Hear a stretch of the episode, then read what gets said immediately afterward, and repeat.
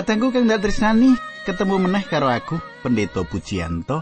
Kaya padatan aku bakal bebarengan karo panjenengan ana ing sajroning adicara margi utami adicara kang wis dadi kelangenan panjenengan lan panjenengan antos-antos. Matur nuwun pandonga panjenengan karo aku nganti aku bisa ketemu meneh karo panjenengan ing dina iki. Lan tak jaluk panjenengan uga tansah biner kanthi Gusti lan panjenengan tansah bagas waras lan murah rezeki mengkono. Lan tak jaluk panjenengan uga is nyawisake wektu kanggo patemon kita iki sugeng midhangetake adicara iki.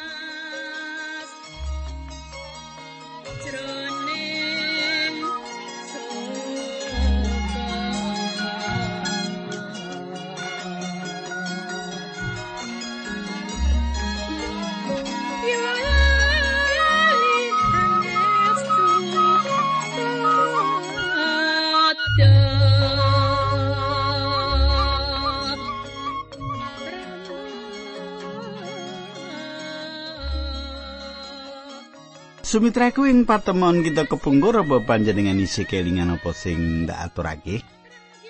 Tasuwun panjenengan isi kelingan apa sing tak aturake kepungkur? Nalika patemon kepungkur aku wis ngaturake marang panjenengan kepiye turunan anyar utawa generasi baru Israel wis siap mlebu ing tanah perjanjian. Lan saiki bakal tak terusake nanging sadurunge kuwi monggo kita ndedonga dhisik. Dukane Rama ingkang ada dampar wonten kraton ing kasuwargan ingkang kawula sambat sebuti wonten ing asmanipun Gusti kawula Yesus Kristus. Kawula ngaturaken gunging panuwun ingkang tanpa upami dene wekdal menika kawula saged tetunggilan malih kalian sedherek kawula ingkang sedaya tuhu midhangetaken adicara menika. Kawula nyuwun Gusti berkahi lan Gusti mitulungi kawula supados pangandikan ingkang abdi paduka andharaken menika saestu dados kegiatan sedherek kawula menika. Dinambaran asmanipun Gusti Kawulo Yesus Kristus kawulo netunggal haleluya. Amin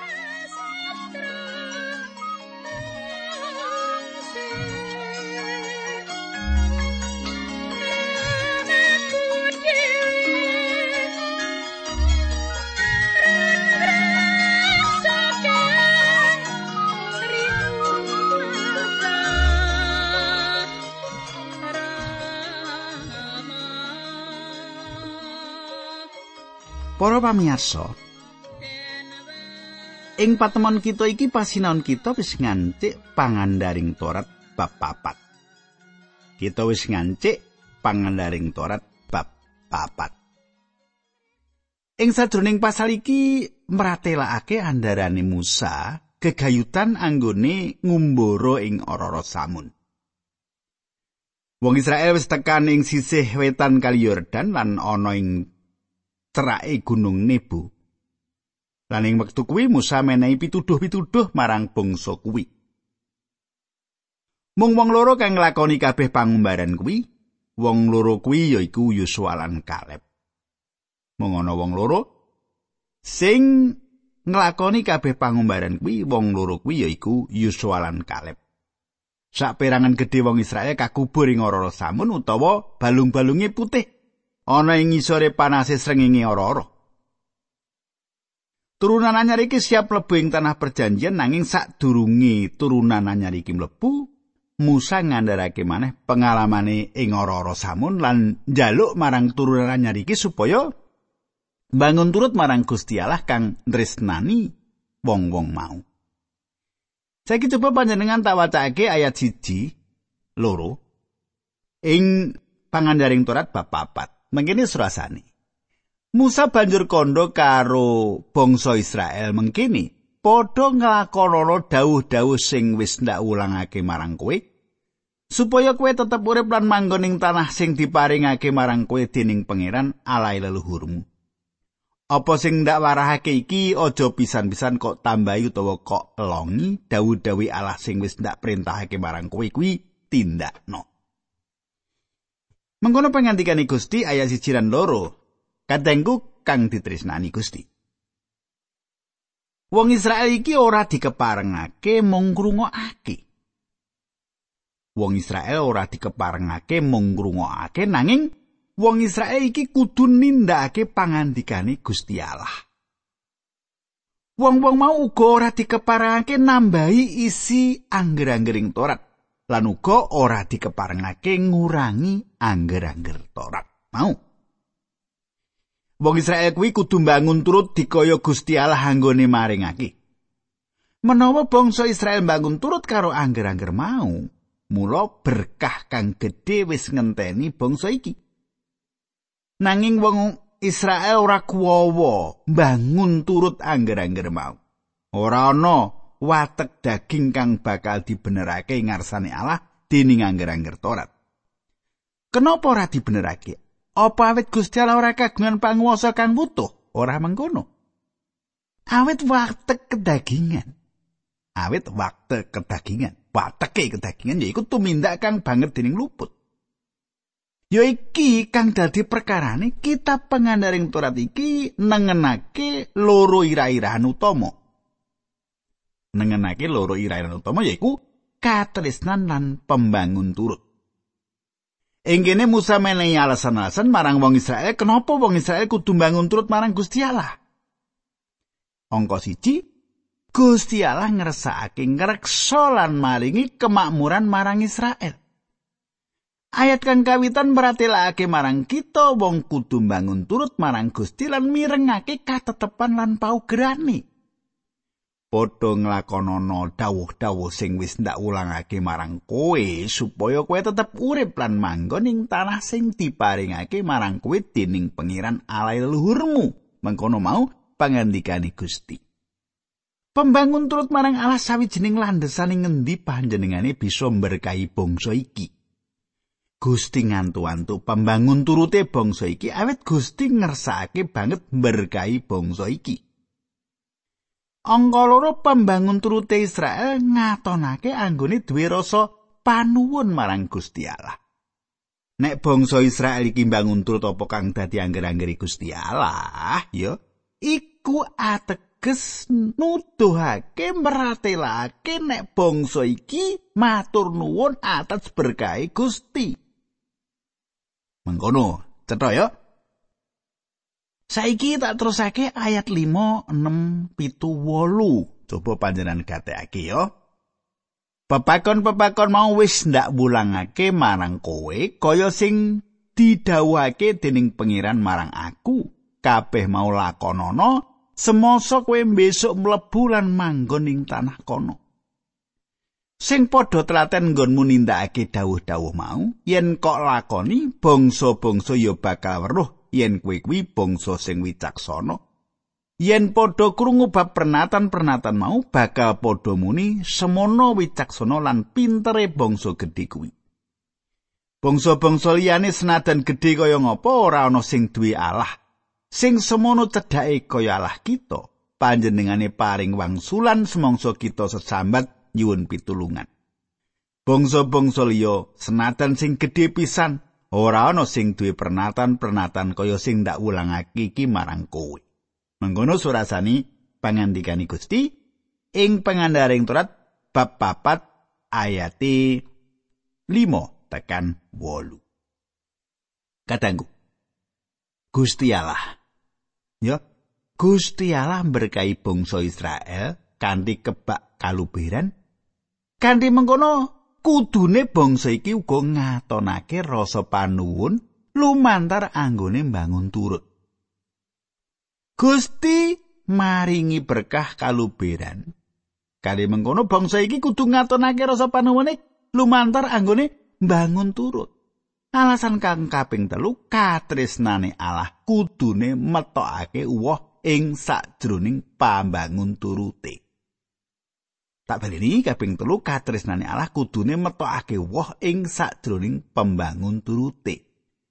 Katresnane Allah kuwi ya nguwohake rasa anggone mbangun turut karo Allah. Saiki ayat 37. Kuwi mau kabeh mergo panjenengane ngasihi leluhurmu, mulane kowe padha dipilih lan kelawan kasektene kowe wis dirit metu saka ing tanah Mesir. Kadangku, ya iki kang kapisanan ing sajroning kitab suci ing ngendi Gusti Allah ngendika yen panjenengane tresnani bangsa iki. Gusti Allah wis nuduhake yen panjenengane tresnani menungso wiwit saka wiwitan panciptan nanging nganti wektu kuwi Gusti Allah durung ngendika apa-apa gegayutan karo perkara iku. Gusti Allah wis mbebasake wong Israel saka tanah Mesir lan panjenengane bakal nindakake perkara kang luwih gedhe lan gegirisi meneh kanggo bangsa iki. Kang dadi landesan atas sapa kang panjenengan tindakake yaiku awet Gusti Allah iku tresnani bangsa iki. Iki sawijining kang perlu dikenal ing saben wong. Sapa wae panjenengan kuwi Gusti Allah tresnani panjenengan. Panjenengan ora tansah ngrasakake katresnani Allah. Dosa kita kang dadi pambengan antaraning Gusti Allah lan kita. Senadyan kita dosa, Gusti Allah tresnani panjenengan lan panjenengani tresnani aku. Panjenengane wis nuduhake katresnane ing salib Kristus. Nalika kita nampani Sang Kristus minangka juru slamet, kita bakal ngrasakake katresnane Allah. Katanggu, alasan kang kaping papat wong Israel kudu bangun turut marang Gusti Allah awit bangsa iki dadi kagungane Allah. Ayat siji pangandaring turat 14. Mengkene surasane, kowe kuwi umate pengiran Allahmu, Mulane yen kowe kepaten ora kena natoni kulitmu utawa nyukur sirahmu sing ngarep kaya carane bangsa-bangsa liyane. Katengku kan tresnani pambangun turut marang Allah sawijining paugeran utama ing sajroning urip. Manungsa ora gelem bangun turut marang Gusti Allah lan dheweke banget lelawanan karo Allah.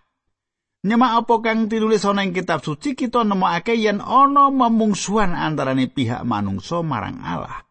kita nemokake perkara kuwi ing sajroning urip manungsa malah dumadi nganti tekan saiki. Saumpama wae kadangku Israel gelem bangun turut paugeran-paugeran Allah. Tenan sawijining berkah gedhe bakal ngluberi bangsa iki.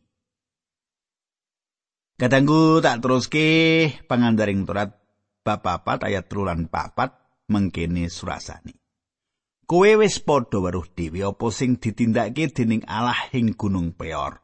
Kabeh wong sing padha nyembah Baal ing panggonan mau wis ditumpes nanging sing setya marang panjenengane padha tetep urip tekan seprene. Kadangku kang dak tresnani apa kang dikandhakake Musa iki ngelingake nalika Biliam diundang supaya ngipati-pati bangsa Israel lan Biliam ora kuwawa nindakake. Perkara kang utamane yaiku dheweke mung mratelakake berkah nanging Biliam menehi tutur marang Raja Moab yen awet dheweke ora bisa ngipati-pati bangsa Israel Raja kudu ngidinake bangsane Srawung lan campur lan nindakake kawin campur karo anak-anak Israel. Patrap kang mengkene iki bakal ngenalake sawijining ibadah kang palsu ing antarané bangsa loro mau kang tundone nekake paukuman Allah atas loro bangsa iki. Iki sawijining conto kanggo turunan anyar iki lan uga kanggo kita. Ana sawijining pituas atas pambangun turut. Wong Israel kang bener-bener bangun turut marang Allah tetep urip lan bakal mlebu ing tanah perjanjian. Ayat 5. Pepakon-pepakon mau wis ndak pulangake marang kowe kaya sing didhawuhake dening pengiran marang aku kabeh mau lakonono semangsa kowe besok mlebu lan manggon ing tanah kono. Pembangun turut bakal nekake berkayalah. Ketaatan nek basa Indonesia iku bakal nekake berkayalah. Wong Israel bakal mlebu ing tanah iku lan bakal ngenggoni lan pembangun turute bakal nekake tujuan kang liya. Ayat 6. sing padha traten nggonmu nindakake dawuh-dawuh mau yen kok lakoni bangsa-bangsa liya bakal weruh yen kowe kuwi bangsa sing wicaksana yen padha krungu bab pernatan-pernatan mau bakal padha muni semono wicaksana lan pintere bangsa gedhe kuwi kadangku Israel kudu menehi paseksi marang jagat Saben wong kang percaya marang Sang Kristus kudune melu cawe-cawe ing sadroning nyebarake pangandikani Allah nganti tekan pungkasane jagat. Panjenengan kepriye? Apa panjenengan kalebu wong kang tresnani Gusti Yesus, wong percaya Gusti Yesus? Kang melu cawe-cawe ing sadroning nyebarake pangandikani Allah? Kadangku, bangsa Israel ora tau didawi lunga minangka utusan Injil ora tau. Wong Israel kudu ngundang ayo ayo kita menyang daleme Gusti Allah. Ayo ayo kita lunga menyang daleme Allah. Pembangun turut lan kasetyan bangsa Israel marang Allah bakal dadi jalaran bangsa-bangsa liya ngrungokake katetepan iki lan nggatekake yen berkah Allah agawe bangsa Israel dadi sawijining bangsa kang gedhe. Ya kaya mengkono kuwi carane bangsa Israel menehi paseksi marang jagat. Menawa bangsa iki gelem bangun turut, Gusti Allah bakal berkahi bangsa iki lan bangsa iki bakal dadi seksi kanggo kabeh bangsa. Nanging menawa bangsa iki ora gelem bangun turut lan bangsa iki ngungkurake Gusti, mula Gusti Allah bakal nekake paukuman marang bangsa iki. Ayat 9 pangandaring bab papat. Mulane gatekno lan rasa-rasakno sing temenan supaya sak jek murip aja nganti lali karo apa sing kok deleng kanggo mripatmu dhewe. Malah critakno marang anak putumu. Kadangku, Gusti Allah maringi momotan kang gedhe marang bangsa Israel gegayutan karo pelayanan memulak. Bangsa iki kudu mbangun turut marang Allah lan bangsa iki kudu mulangake perkara-perkara iki marang anak-anake lan putu-putune. Kewajiban kang kudu ditindakake dening bangsa apa wae yaiku kudu nindakake pendidikan umum kanggo kaum nom-noman. Bisa kok gagale bangsa ing ngendi wae yaiku awit saka gagal ing sajroning pendidikan utawa panggulawentah. Gusti Allah paring pangandika marang umat kagungani, aku ngarsakake kowe kabeh mulangake marang anak-anak lan putu-putumu. Gagal ing sajroning memulang yaiku sawijining kegagalan bulan bapak ing omah. Panggulawentah utawa pendidikan kuwi sawijining tanggung jawab gedhe kang wis dipapanake Gusti Allah marang saben bapak lan ibu ing Israel. Menawa panjenengan nggawa putra panjenengan ing sajroning jagat iki, panjenengan kudu tanggung jawab kanggo putra iku. Gusti Allah bakal njaluk atur jawaban para wong tua kang pegatan lan ora gelem tanggung jawab kanggo anak-anake. Bener-bener sawijining tanggung jawab kang kudu ditanggung dening wong tua. Gusti Allah ngendika perkara iki kanthi cetha marang bangsa Israel nalika bangsa iki gagal Kegagalan iku kawiwitan saka ngomah lan awit saka iku Gusti Allah paring paukuman. Pangandaring turat bab 4 ayat 13, critakno karo anak-anak munggone Allah ngendika marang kowe saka ing sajroning geni mau sing suarane kok rungu nanging ora kok deleng rupane. Kadangku Gusti Yesus paring pangandika kanthi cetha Allah iku roh lan sapa wae kang manembah panjenengane kudu nyembah panjenengane sajroning roh lan kayekten. Yohanes papat ayat 4 likur. Wong ora bakal duwe kemiripan apa wae karo Gusti Allah ana ing sajroning apa wae. Gusti Yesus dadi menungso nanging kitab suci ora paring gambaran kajasmaneni kegayutan panjenengani. Panjenengan bisa duwe panemu yen aku duwe pikiran kang ciut. Manawa panjenengan durung tekan ing reringkesan kang mengkono kuwi, nanging aku ora percaya marang gambar-gambar kegayutan Gusti Yesus kuwi. Aku ngerti yen akeh wong kang rumangsa yen kanthi gambar Gusti Yesus bakal mitulungi anggone manembah marang panjenengani. Kita mbutuhake panjenengani. Ing sadroning ati kita saiki, iki sawijining kayiten kang ngedap-edapi lan langgeng kang diparingake Gusti Allah ing sadroning pasal iki. Wulangan kang diparingake marang bangsa Israel ing jaman kuwi ya sawijining prinsip-prinsip utawa watonan-watonan utama kanggo kita supaya ditindakake kanggo kita dhewe ing wektu iki awit kayektosan iku sipate langgeng. Cetha ya? Kayektosan, kayekten iku sipate langgeng. Saiki pangandaring turat bab 4 ayat 4 nganti ayat 17 mengkene surasane. Merga pangeran Allahmu kuwi kaya geni sing brangas Allah sing butarepan. Yen kowe wis manggon suwe ana ing tanah kono lan wis duwe anak putu, aja pisan-pisan nglakoni dosa gawe reca rupa apa wae. Penggawe sing mengkono mau ala banget ana ing ngarsane Allah lan nekake paukuman. Langit lan bumi dadi seksimu ing dina iki yen samangsa kowe ora nggugu karo kandaku, kowe ora suwe bakal sirna saka ing bumi sing kok enggoni ing sabrangi kali Yarden kuwi. Kowe bakal ora tetep manggonmu ing kono malah bakal ditumpes kabeh. Kowe bakal disebar ing antaraning bangsa-bangsa liya lan mung setitik sing bakal tetep urip. Kadangku bangsa iki isih dadi sawijining paseksi marang jagat ing jaman iki, sawijining paseksi bab anggone ora bangun turut. Bangsa iki pating slebaring saindenging jagat iki kenapa? Awit bangsa iki nindakake apa kang ora dadi keparengi Gusti Allah. Nalika Gusti Allah nggawa bangsa iki bali menyang negara kuwi dikaya kang wis diweca panjenengane bangsa iki ora bakal nglakoni kangilan kaya kang dilakoni saiki. Bangsa Israel isih ana ing sajroning paukumane Allah ing jaman saiki awit bangsa iki wis ngungkurake Gusti Allah. Paukuman bakal nempuh bangsa ngendi wae kang nampik panjenengane iki sawijining wulangan kang ngidapi-dapi kanggo kita jaman saiki iki. Ayat 30. Yen kowe wis nglakoni kasangsaran lan kena musibah sarta bebaya, wekasane kowe bakal mbaleni Allah lan bangun turut marang panjenengane. Kadangku Yo iki kang kapisanan disebutake kekayutan karo jaman kasangsaran gedhe kang tundone bakal teka ing dina sebanjuri sawijining istilah kang tinulis ing perjanjian lawas kang nunjuk marang jaman kasangsaran gedhe. Ayat telung persiji. Pangeran kuwi Allah kang kebak sih palimirmo.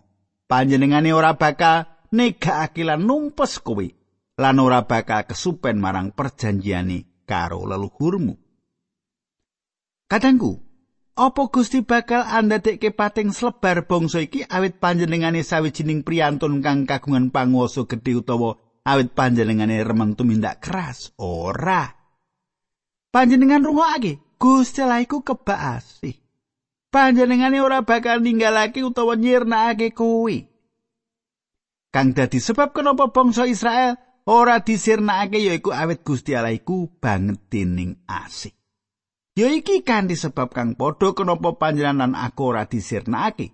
Menawa panjenengan wis slamet iku disebabake dening sih kawalasane Allah. Ngerti ya? Panjenengane kuwi ngasih marang kita padha karo apa kang ditindakake marang bangsa Israel. Pangandaring Torat 4 ayat 33 nganti 34. Apa ana bangsa sing tetep urip sawise krungu suarane Allah ngendika saka ing tengahing geni kaya sing kok alami kae? Apa tau ana Allah sing bisa mbebasake bangsa saka tangane bangsa liya? Banjur ndadekake bangsa sing diluwari mau dadi umat kagungane piyambak. Kaya sing ditindakake dening pangeran Allahmu marang kowe dek nalika kowe ana ing tanah Mesir, kowe padha weruh dhewe nggone Allah nganggo panguasane nekakake lara lan perang. kaeloan-kaeloan lan perkara-perkara sing gumunake. Kadangku, Gusti Allah nindakake perkara-perkara iki ing ngarepan mata para leluhur. Gusti Allah ora ngersakake bangsa iki nglalekake. Gusti Allah banget dening duwe sifat welas asih marang bangsa iki. Lan panjenengane ngersakake bangsa iki ngiling-iling apa kang wis ditindak. Ayat 37. kuwi mau kabeh merga panjenengane ngasihi leluhurmu mulane kowe padha dipilih lan kelawan kasektene kowe wis diirit metu saka ing tanah Mesir kadangku Gusti Allah nindakake perkara iku awit panjenengane tresnani bangsa iki yaiku keterangane ora ana kang apik ing sajroning uripe bangsa iki nanging ana kang apik ing sajroning Gusti Allah Gusti Allah sing tresnani kita saiki Panjenengane ora nyelametake kita kanthi katresnan, panjenengane nyelametake kita lumantar sih rahmat. Panjenengane ora bisa mengkono wae buka lawang buri swarga lan mlebake kita menyang swarga mau. Panjenengane ora bisa dibenerake secara paugeran ilahi lan panjenengane nindakake perkara iki. Sawijining pangorbanan marang dosa-dosa kita kudu ditindakake. Katresnane kang dadi jalaran panjenengane ngutus Sang Kristus sedo kanggo kita. Lan Sang Kristus banget nresani kita kanthi mengkono panjenengane rilo sedo supaya panjenengan lan aku bisa nampani pangapura. Kitab suci meratelake semono gedene katresnane Allah marang jagat iki kanthi mengkono panjenengane njlametake jagat. Pangandikane Gusti ngendikake awit saka gedhening sih katresnane Gusti Allah marang jagat nganti panjenengan ngurbanake putrane untang-anting Yohanes 3 ayat 16. Panjenengan nindakake perkara iki supaya sapa wae ora ana bedane sapa wonge supaya saben wong sing percaya marang Sang Putra mau ora nemu karusakan nanging ngalamono urip langgeng. Ayat 44 45 46 Musa ndawake angger-angger lan piwulange Gusti Allah marang bangsa Israel. Piwulang bab dawuh-dawuh kuwi diumumake sawise bangsa Israel metu saka ing tanah Mesir. Katanggu kepiye sebanjure perangan iki aku ora iso nerusake saiki awit wektune wis ora nyandak. Panjenengan kudu sabar nganti dina candhake aku sowan meneh marang panjenengan ya. Saiki kita ndedonga bebarengan. Duh Kanjeng Rama ing swarga kawula ngaturaken gunging panuwun menawi wekdal menika kawula saged midhangetaken sabda lan sinau babagan kayektosan saking patuko nggih menika saking kitab suci kawula menika. Dinambaran asmanipun Gusti Yesus Kristus kawula ndedonga haleluya amin.